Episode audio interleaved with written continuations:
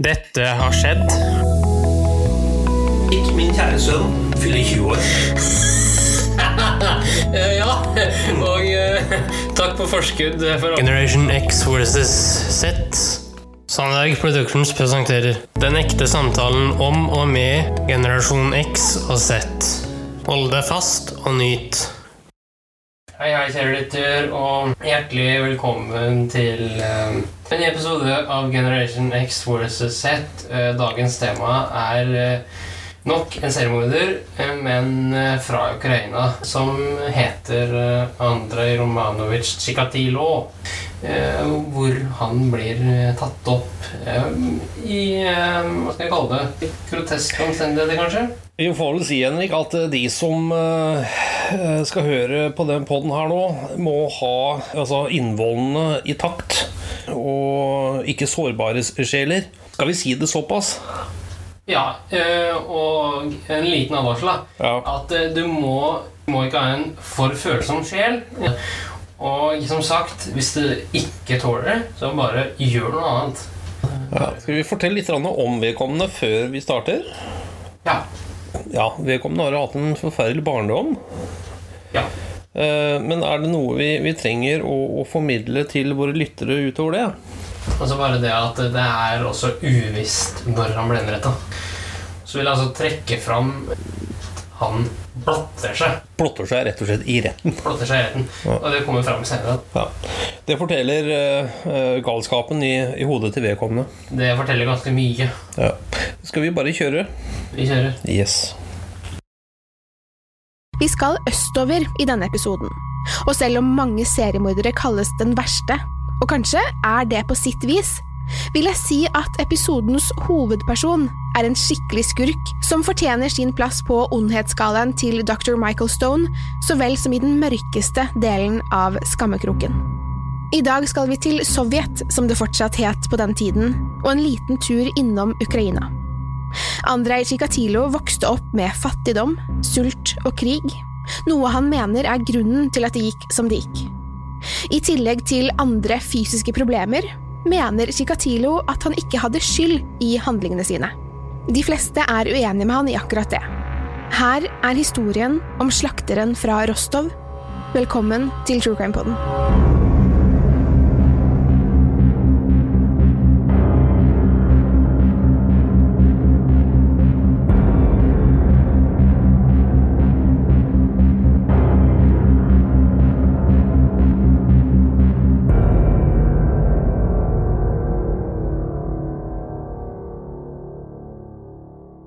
På starten av 80-tallet i datidens Sovjet er flere politipatruljer kalt ut til et skogholt nær togsporene som går gjennom Rostov.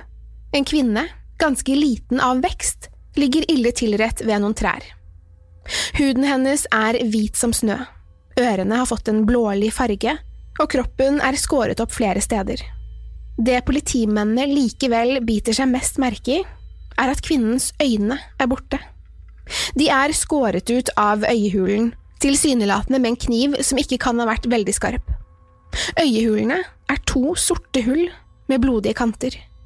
Ifølge gammel russisk overtro skal øynene gjenspeile det siste personen så før den døde. Ble personen drept, skal man kunne se morderens ansikt i offerets øyne. Det er nok derfor øynene til den lille kvinnen er fjernet, konkluderer politiet med. Måten kvinnen ble drept på, vitner om hat og forferdelig sinne. Kvinnen er knivstukket flere ganger, særlig i området rundt underlivet, og hun har bitemerker i begge brystene. Kvinnen er egentlig ikke en kvinne, helt enda. Hun er en jente, bare 13 år gammel. Hvem kan gjøre noe sånt? Det er ikke vanlig å komme over slike grufulle scener i Rostov, og når det begynner å dukke opp flere lik, forstår politiet at en hensynsløs seriemorder er på ferde. Begrepet seriemorder var enda ikke i bruk på starten av 80-tallets Sovjet, men betydningen av ordet var de godt kjent med. To nye ofre dukker opp de neste ukene, begge kvinner, uten øyne, ille tilrett og med utallige knivstikk mot underlivet. På den ene kvinnen er livmoren fjernet, og politiet finner den ikke, slik som de heller ikke finner øynene. I starten tror politiet at en satanistisk sekt har ofret mennesker gjennom okkulte ritualer, siden ofrene blir funnet i skogen, der det var kjent at satanister hadde møter rundt store bål, og de like så godt kunne ha ofret noen mennesker for å tilbe Satan. Det var kjent at de hadde ofret dyr tidligere, men flere i politiet var skeptiske til at de hadde endret metodene sine så drastisk. Satanistene i byen var ikke mange, og de holdt seg for seg selv, de plaget sjelden andre. Selv om en av politimestrene, Rostov hadde nemlig flere i dette tidsrommet, mente at det å fjerne øynene fra offeret bare kunne ha en rituell betydning, ønsker de andre politimesterne å gå en annen vei i etterforskningen.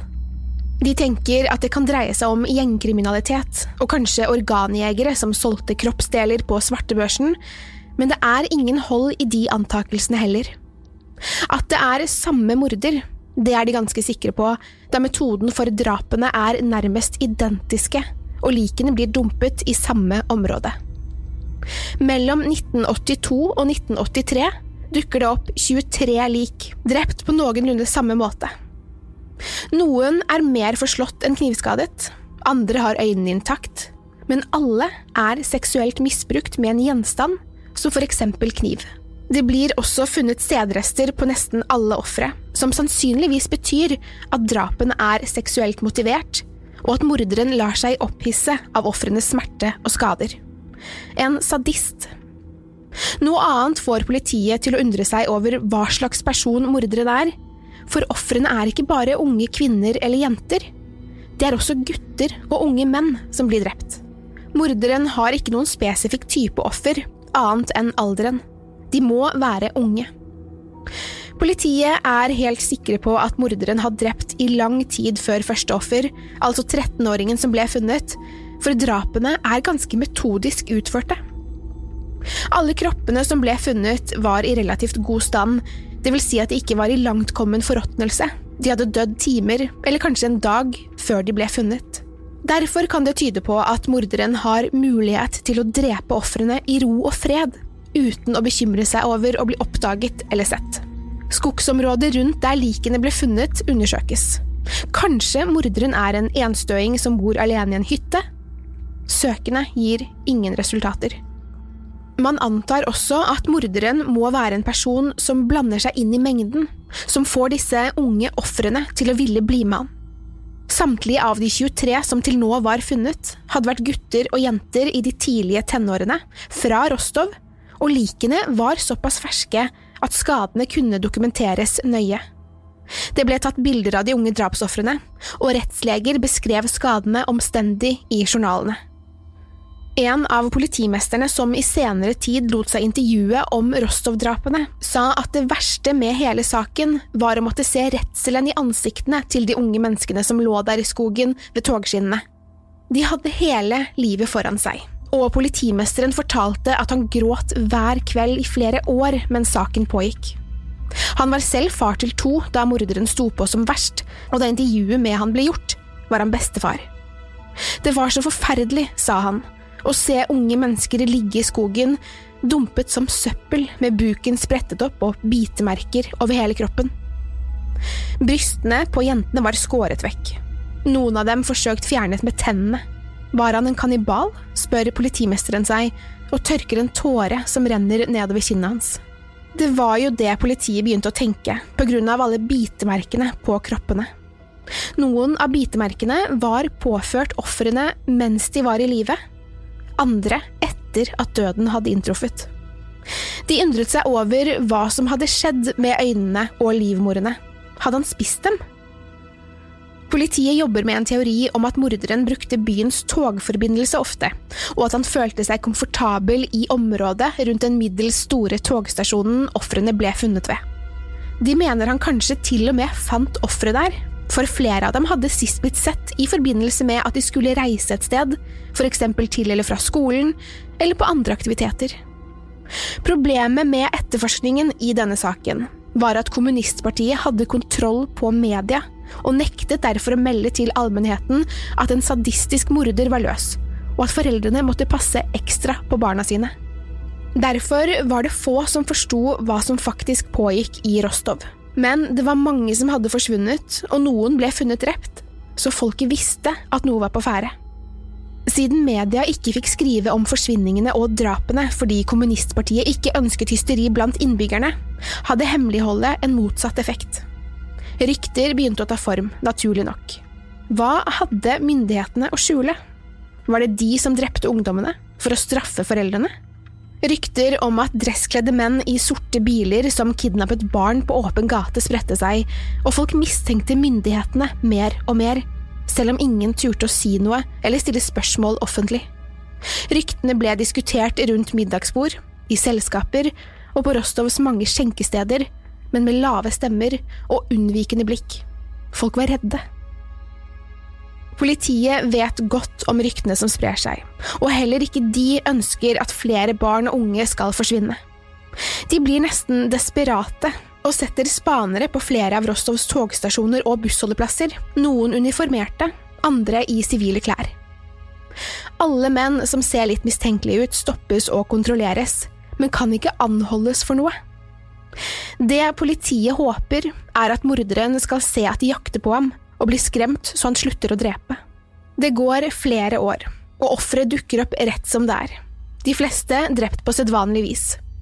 Likevel er noe annerledes, for ofrene forandrer seg. Før var det unge tenåringsjenter.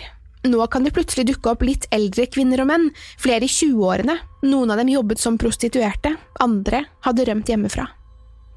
Etter hvert kom også ofre fra mer tradisjonelle familier igjen.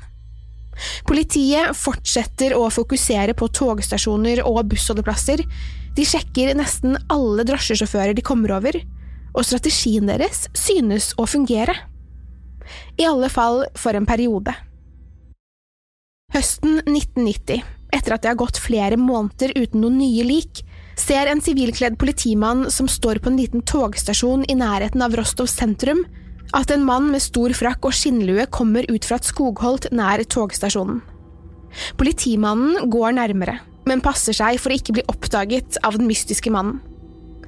Idet han er noen meter fra ham, kan spaneren se at mannen i frakken har noe slags blodsøl på det ene kinnet, og i tillegg et dypt kutt på en av fingrene. Mannen bærer på en koffert og stopper ved bredden av en smal elv. Han skyller skoene sine i vannet, det samme med hendene. Det kan også se ut som han forsøker å fjerne en flekk fra frakken sin, idet politimannen stopper han i akkurat det.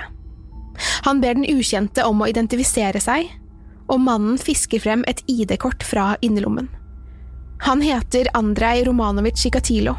Politimannen spør Chikatilo hva han gjorde i skogen, og mannen svarer at han bare gikk gjennom skogen for å ta en snarvei til togstasjonen.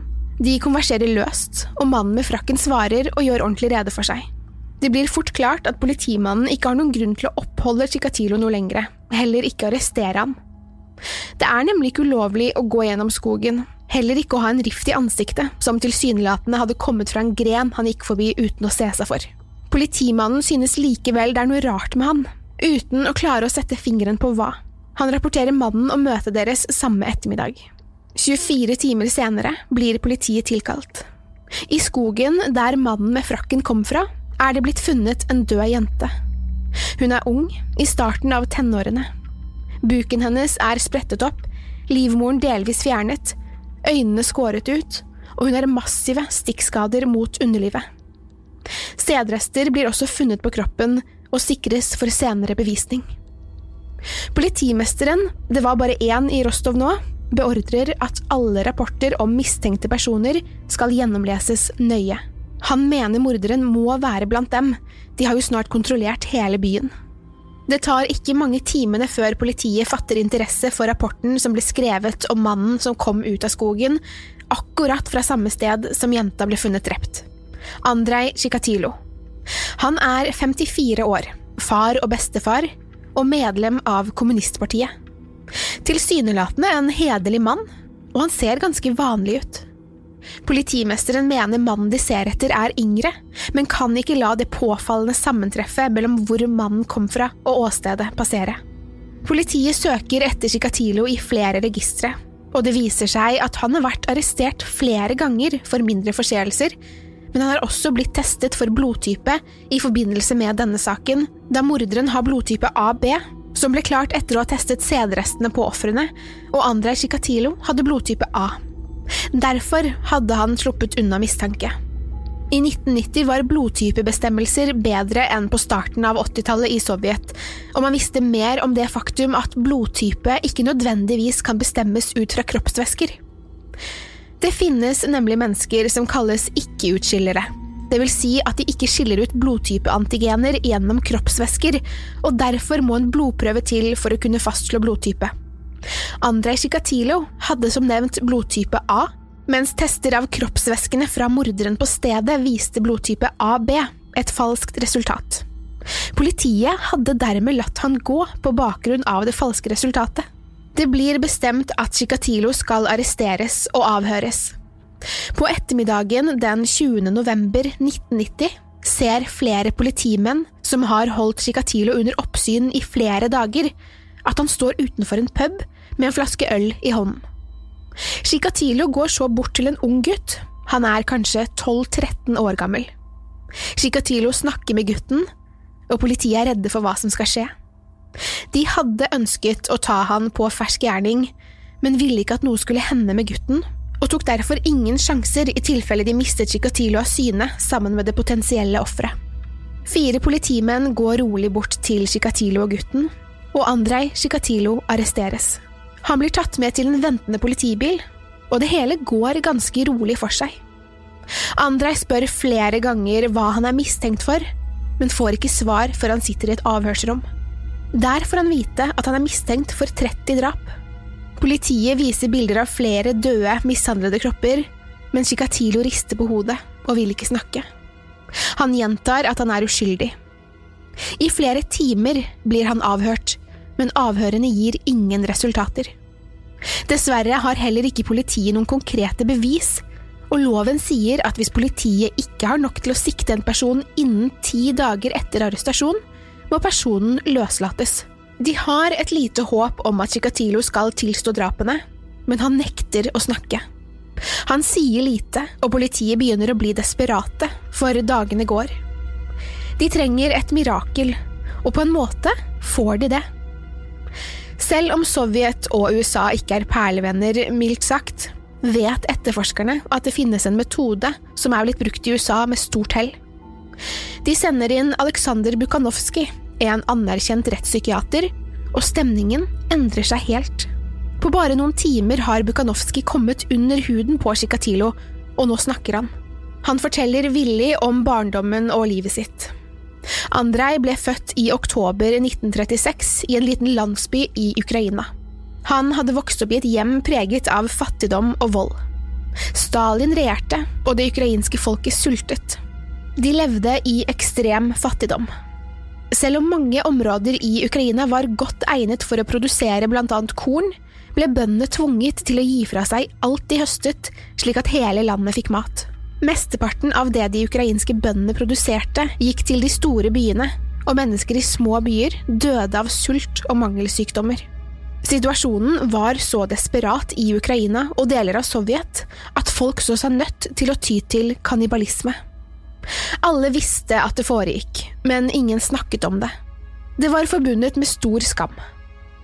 Voksne skremte barna sine med historier om kannibaler, og det var videns kjent at ingen barn eller unge fikk være ute etter at det ble mørkt, for da kunne det hende at de ikke kom tilbake igjen. Andrej Sjikatilo forteller at moren hans pleide å skremme han og lillesøsteren med at de en gang hadde hatt en storebror som ikke lenger levde. Storebroren hadde blitt tatt til fange og spist av kannibalene som gikk ute om natten, og derfor måtte de være snille og aldri gå ut når det mørknet. Mennesker forandret seg når det ble mørkt, fortalte mammaen hans. Både Andrej og lillesøsteren ble redde av historien. Selv om psykiateren som samtaler med Andrej forstår at en slik historie må ha vært traumatiserende for en liten gutt, er det en annen hendelse som trolig skal ha satt enda mer støkk i den unge Andrej. Lillesøsteren hans ble nemlig til under voldsomme omstendigheter. I 1943 ble Andrejs mamma overfalt og voldtatt. Under andre verdenskrig var landsbyen de bodde i okkupert av tyske soldater. Andrejs far hadde for lengst vervet seg til Den røde armé og hadde vært borte i lang tid. En dag hadde tyskerne lett etter noen i Andrej sitt nabolag, og en av soldatene tok seg inn i huset deres. Soldaten voldtok Andreis mamma foran Andrej, som prøvde å stoppe mannen. Både Andrej og mammaen ble skadet under overfallet, moren verst med brukket arm og nese, Andrej med et kutt over nesen og bilder i hodet han aldri klarte å glemme. Tyskeren så de aldri igjen, men lillesøsteren ble født litt over ni måneder senere. Det gikk rykter i byen om at mammaen hadde hatt en affære, for mannen hennes hadde vært borte i halvannet år. Andrej og mammaen hans lover hverandre at de aldri skal snakke om det som skjedde dem da soldaten kom. Et år senere får de vite at faren er tatt til fange av tyskerne og satt i fangeleir. Han kom ikke tilbake før i 1949, tynn og sykelig. Han hadde blitt smittet av tuberkulose, men fikk ikke hjelp på sykehus. Det var nemlig slik at soldater som ble tatt til fange, ble sett på som desertører og landsforrædere, for enten sloss man for landet sitt og vant, eller så døde man i strid.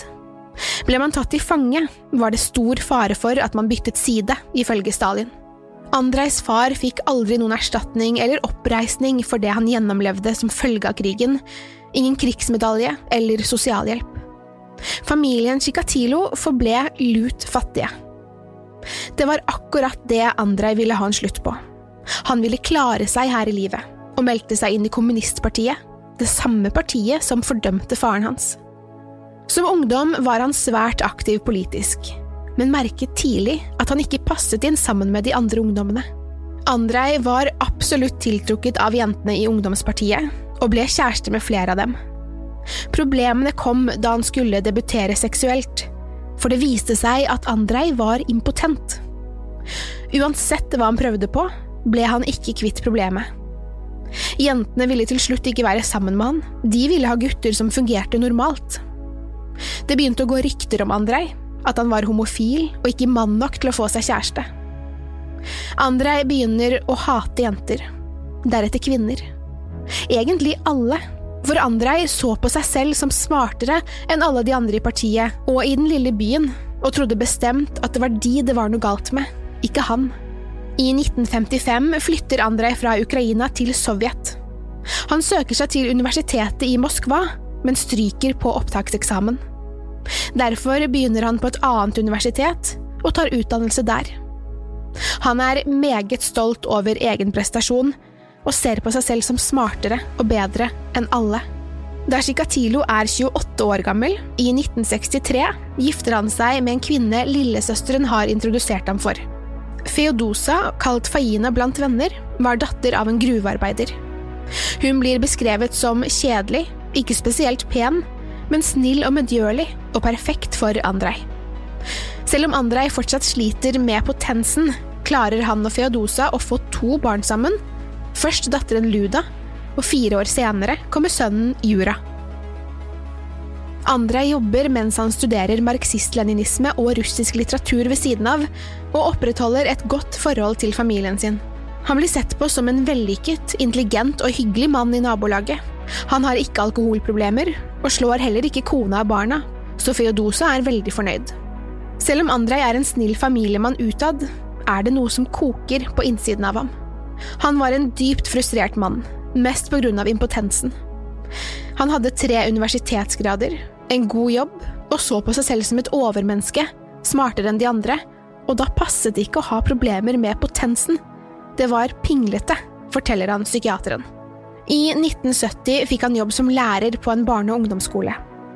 Andrej trodde han skulle bli sett opp til og hyllet i denne jobben, både av elever og lærere, men det skjedde ikke.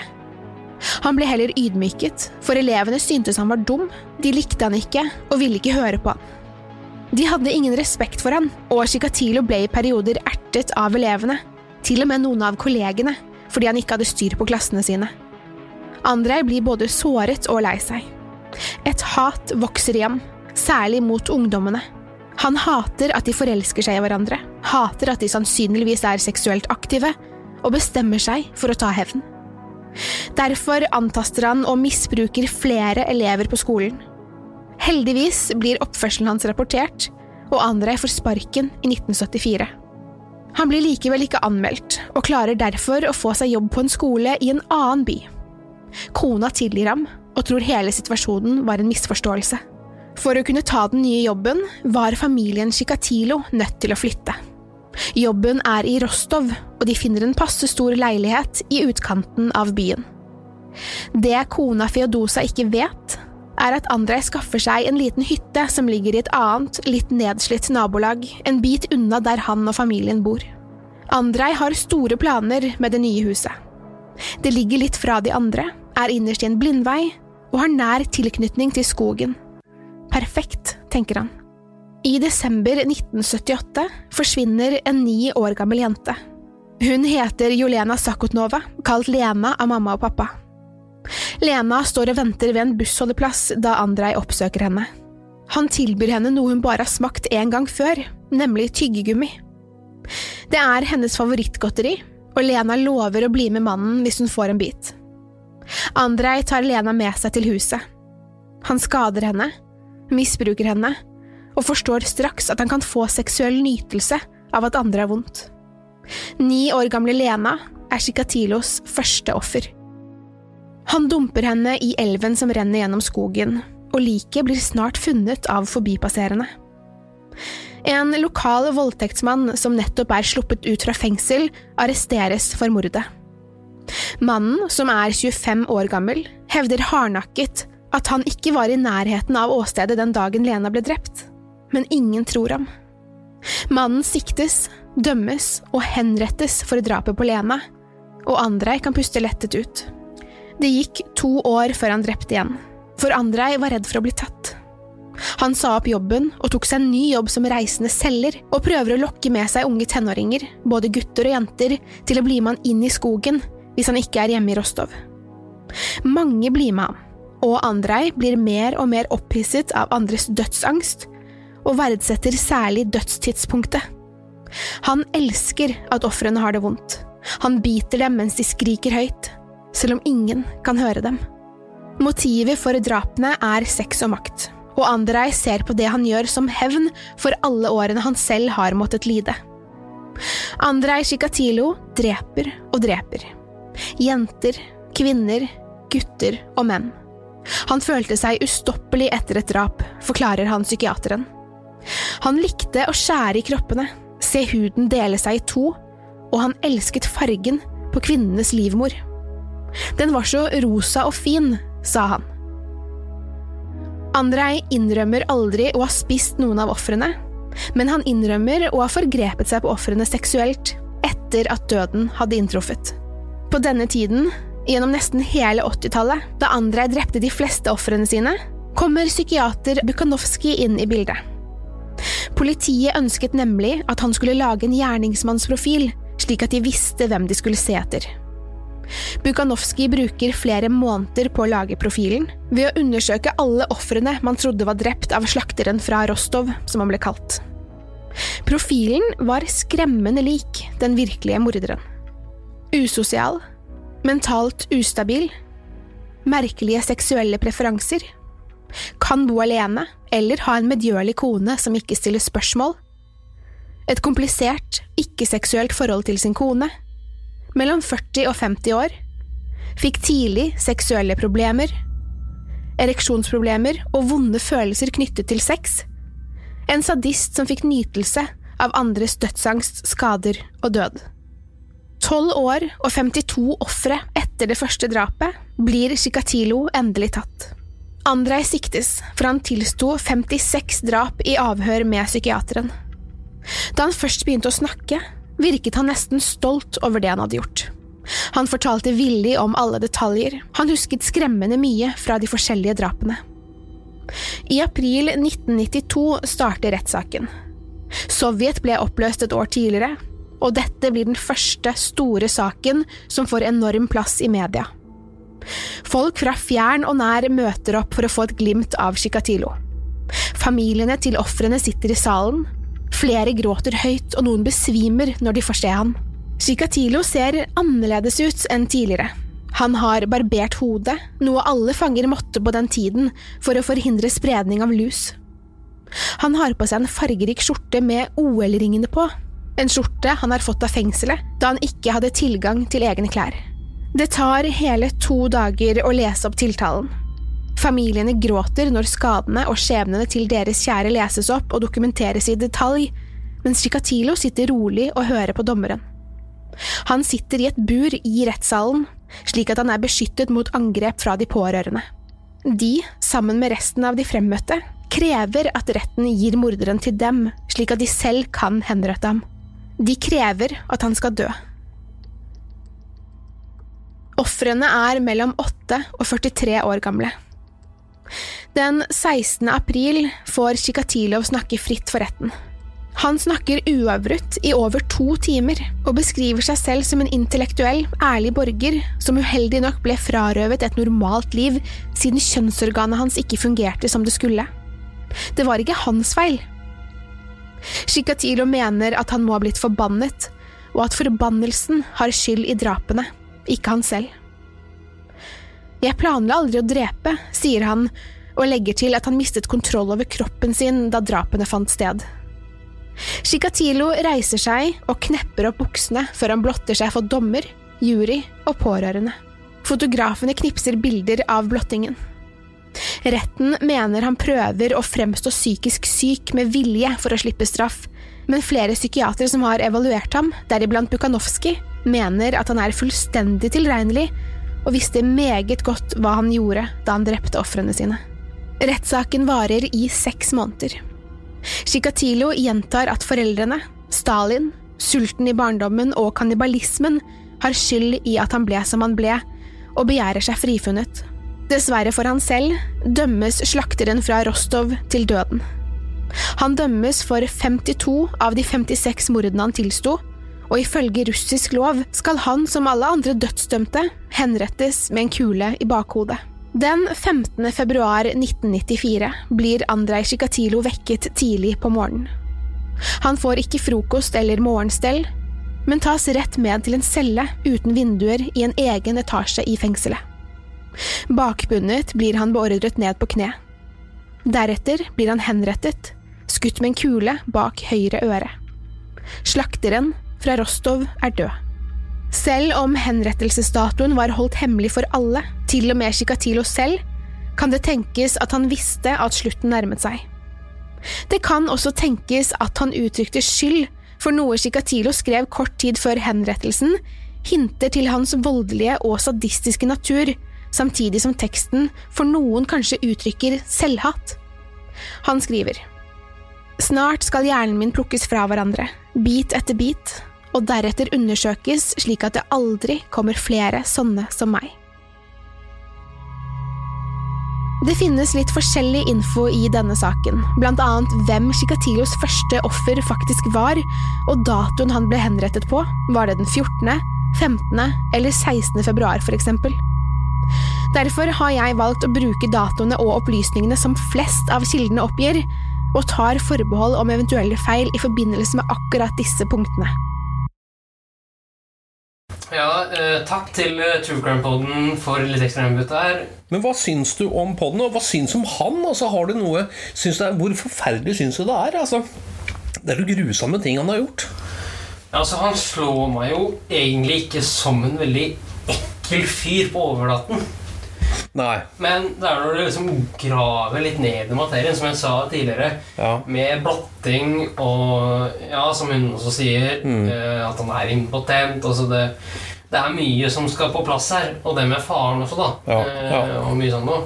For å si sånn, Det er alltid sin grunn for noe, men likevel, den type handlinger er rett og slett bare grusomme og uakseptable. Ja, og hvis du ser på åssen han ser ut Ja. eh, mens han blotter seg, ja. Ser den ikke akkurat fin ut. Galskapen lyser. Vi bruker to timer på å fremheve seg selv. Eh, si at han er kjempesmart. Kjempe Ja, han sier til og med at han er Gud i menneskelig form. Og det nevner han også i mer detalj tidligere i episoden. da. Ja, etter det kommer blottinga, da. Ok, Henrik, da har vi hørt den delen av poden podden i dag. Ja. Ja, vi tar det litt hyggeligere nå. ja. Ja.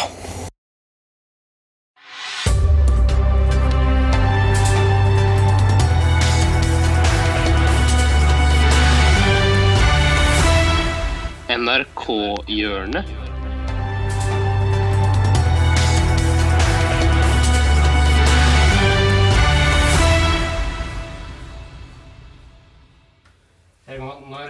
Jeg sier at ting skal være morsomt, hva har du da i tankene? Noe morsomt, ja. Noe morsomt. Eh, Og det skal NRK gjøre hver dag. Det skal være morsomt. Eh, gi meg et lite hint, da. Hint. Ja. Eh, Da vil jeg si ja Britisk aksent-vitsing? Hæ? Er det noen sånn språklige tørt- ikke- sånn, s- Sånne språklige finesser? Ja, det kan du si. Ja. Der, vet du, Henrik, er jo du og jeg litt ulik eh, sånn sett, da. Fordi du har hele tiden og alltid egentlig eh, hatt det veldig moro med sånne nyanser av språket. Og, og kost deg veldig med det. Mm, faren din er vel ikke helt 100% der, men hvis det er morsomt i tillegg, Henrik, så eh, syns jeg vi skal bare høre på NRK, Ja? Ja, altså jeg kan si at det er en morsomhet som bygger på Ah. Da kjører vi. Vi kjører.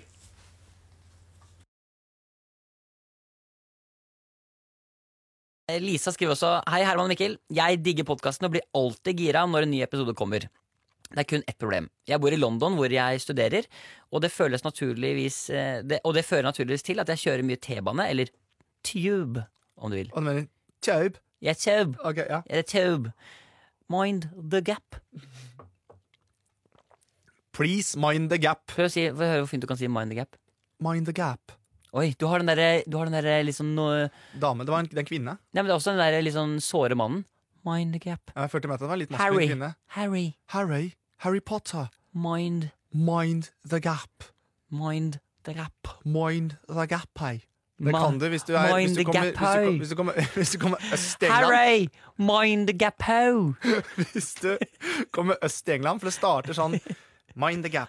Ja. Og så kommer det utover, mer og mer, så blir det Mind the gap, ei. Og så kommer det enda lenger. Så Mind the gappy! Mind the gathered! Fucking cunt! Det kommer. What? What is it? Mind the gap, I don't know what the kern is. What? Mind the gastard! It says on the other side, mind grappe! What grap? Det er the grap! Mind the gastard! Mind, min datter min sønn, mind the gripe! Mindre the gripe. Til slutt blir mind rape! Mind oh? Mind rape? Det er, det er helt ute i Ja, der er det livsfarlig. Der må du aldri ta banen. If you see your family, mind rape! Mind rape and the gap! Det er deilig. Ok. All right. Ja. Hun er, jo, jo, det var sånn det var. Hun en bor i-. Hun bor i London. Ja. En lesemail, det var så godt sagt. Å, det var en lesemail! Ah, det var en lesemail. Vi har fått en lesemail fra Lisa, eh, som bor i London. må nå, det har gått så lang tid at nå må jeg oppsummere mailen. Ja, det er fint. Ja, Vi er altså tilbake her. Det er altså Lisa som bor i London, Ja, det er det. som ofte tar The Tube. Mind the gap der, altså. Ta Tube, bor i London. Lisa der, altså. Men når du da tar The Tube, Mm. så blir det ofte sånn at eh, hun hører på podden underveis. Og eh, jeg sliter da stadig med pussig blikk fra de rundt meg, siden det er umulig å ikke le når humortoget er ute og kjører. Her burde hun egentlig sagt humortuben Ja, det burde det. Burde det, burde det, Ja. burde det. Når humor, humortube er ute og kjører. Humortube. Yeah. Kommer du lenger, lenger, så er det Hamrenstøyden! Det er nesten Japan. Handrostogo! Hoppan on the humortube! Jam on the hummertogen! The hummertaster! Vi er i Nederland Ja, plutselig. det plutselig. Jump on the nederlandse hammertog! Tarden lemertast. Hammertag. Ok, men nå glemmer vi mailen igjen. Tut tut hammertag. Dager til togen! Fortsett. Ok. Glirer. Ja, det glir litt. Ja, vi er tilbake her. Altså, det er Lisa som bor i London, Fortsatt. som tar humortuben. Ja. Men det bråker mye på T-banen. Ja, nå bruker hun T-bane. Mm, ok, nå må hun bestemme seg. Ja. Det med Tøybein! The Tyranbansten! Come on, let's take the Tyranskaster! T-prainest! Det blir sånn. Line five! Det er tre mannen! Det, det trimæren! Det er gøy, ja. Ok, kom igjen. Det er tre forskjellige tog hun har ramset nå. Visiting my grandma! Taking the three oh. Ja. Men det bråker mye på T-banen, sier Lisa. Og jeg har podkasten på høyt volum. Ja. Akkurat da Herman satte i gang med Pornhub-jingeren, var vi mellom to stasjoner, og mitt høye øreproppvolum lekker ut så alle rundt meg også hører. Og da er man ikke så høy i hatten. toppa seg med at han som satt ved siden av meg, hoppa til i setet og forsøkte å kvele latteren sin. Og er nå kjent som hun som ser på Pornhub på T-banen. Setter pris på det, gutta. Nice. Trøsta med at det er mange raringer her i byen. Ellers flott uke. Boom, boom, takka boom. Hilsen Elisa. PS. Digger også Patagonia-flis. Ja, ikke sant? Der kan du se. Der kan du se. det liker du ikke. Nei. Ja, ja. Du syns Lisa var kul fram til nå? Ja, det syns jeg. Men det er jo Men jeg tenker sånn PS digger også dritlange T-skjorter og Marcus og Martinus-look. Det er meg. Men, eh, men det jo, jeg tenker det er litt kult å på en måte stå litt frem som hun eh, Yes. som sitter og ser på Porn Hudson på, på toget. Mann! I'm busy! I'm watching the Palnab! Close the door! Why? I'm gonna watch some Porn Salad! Det er deilig. Det er jævlig deilig. I'm on examstar! Og Mixarden! Brazils! Nei, Men folk skjønner ikke til slutt hva vi snakker om. Nei. Ok, tusen takk for mail, Lisa. Takk for mail. Og lykke til videre med livet i London.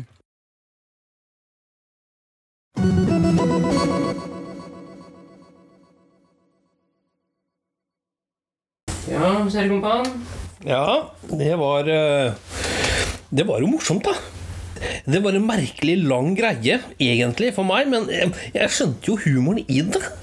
Ja, altså Der det kommer fra, da, bare for å nevne det eh, Det kommer fra podkasten Friminutt. Mikkel Niva og Herman Flesvig lager for NRK. Ja. Ja, Mikkel Niva er nok eh, nå best kjent for å ha vært både programleder for eh, Maestro og NGP Junior.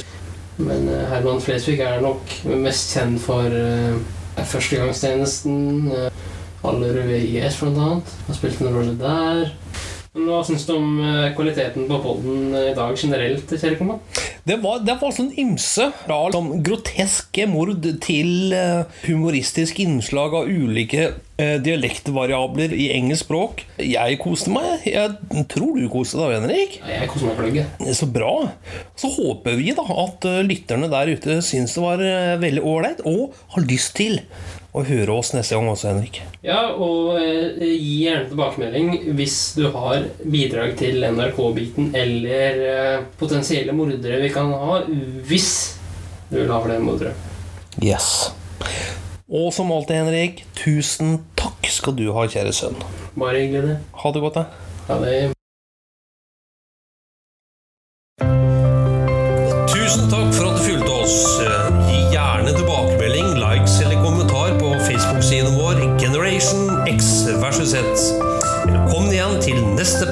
Versus Z. Velkommen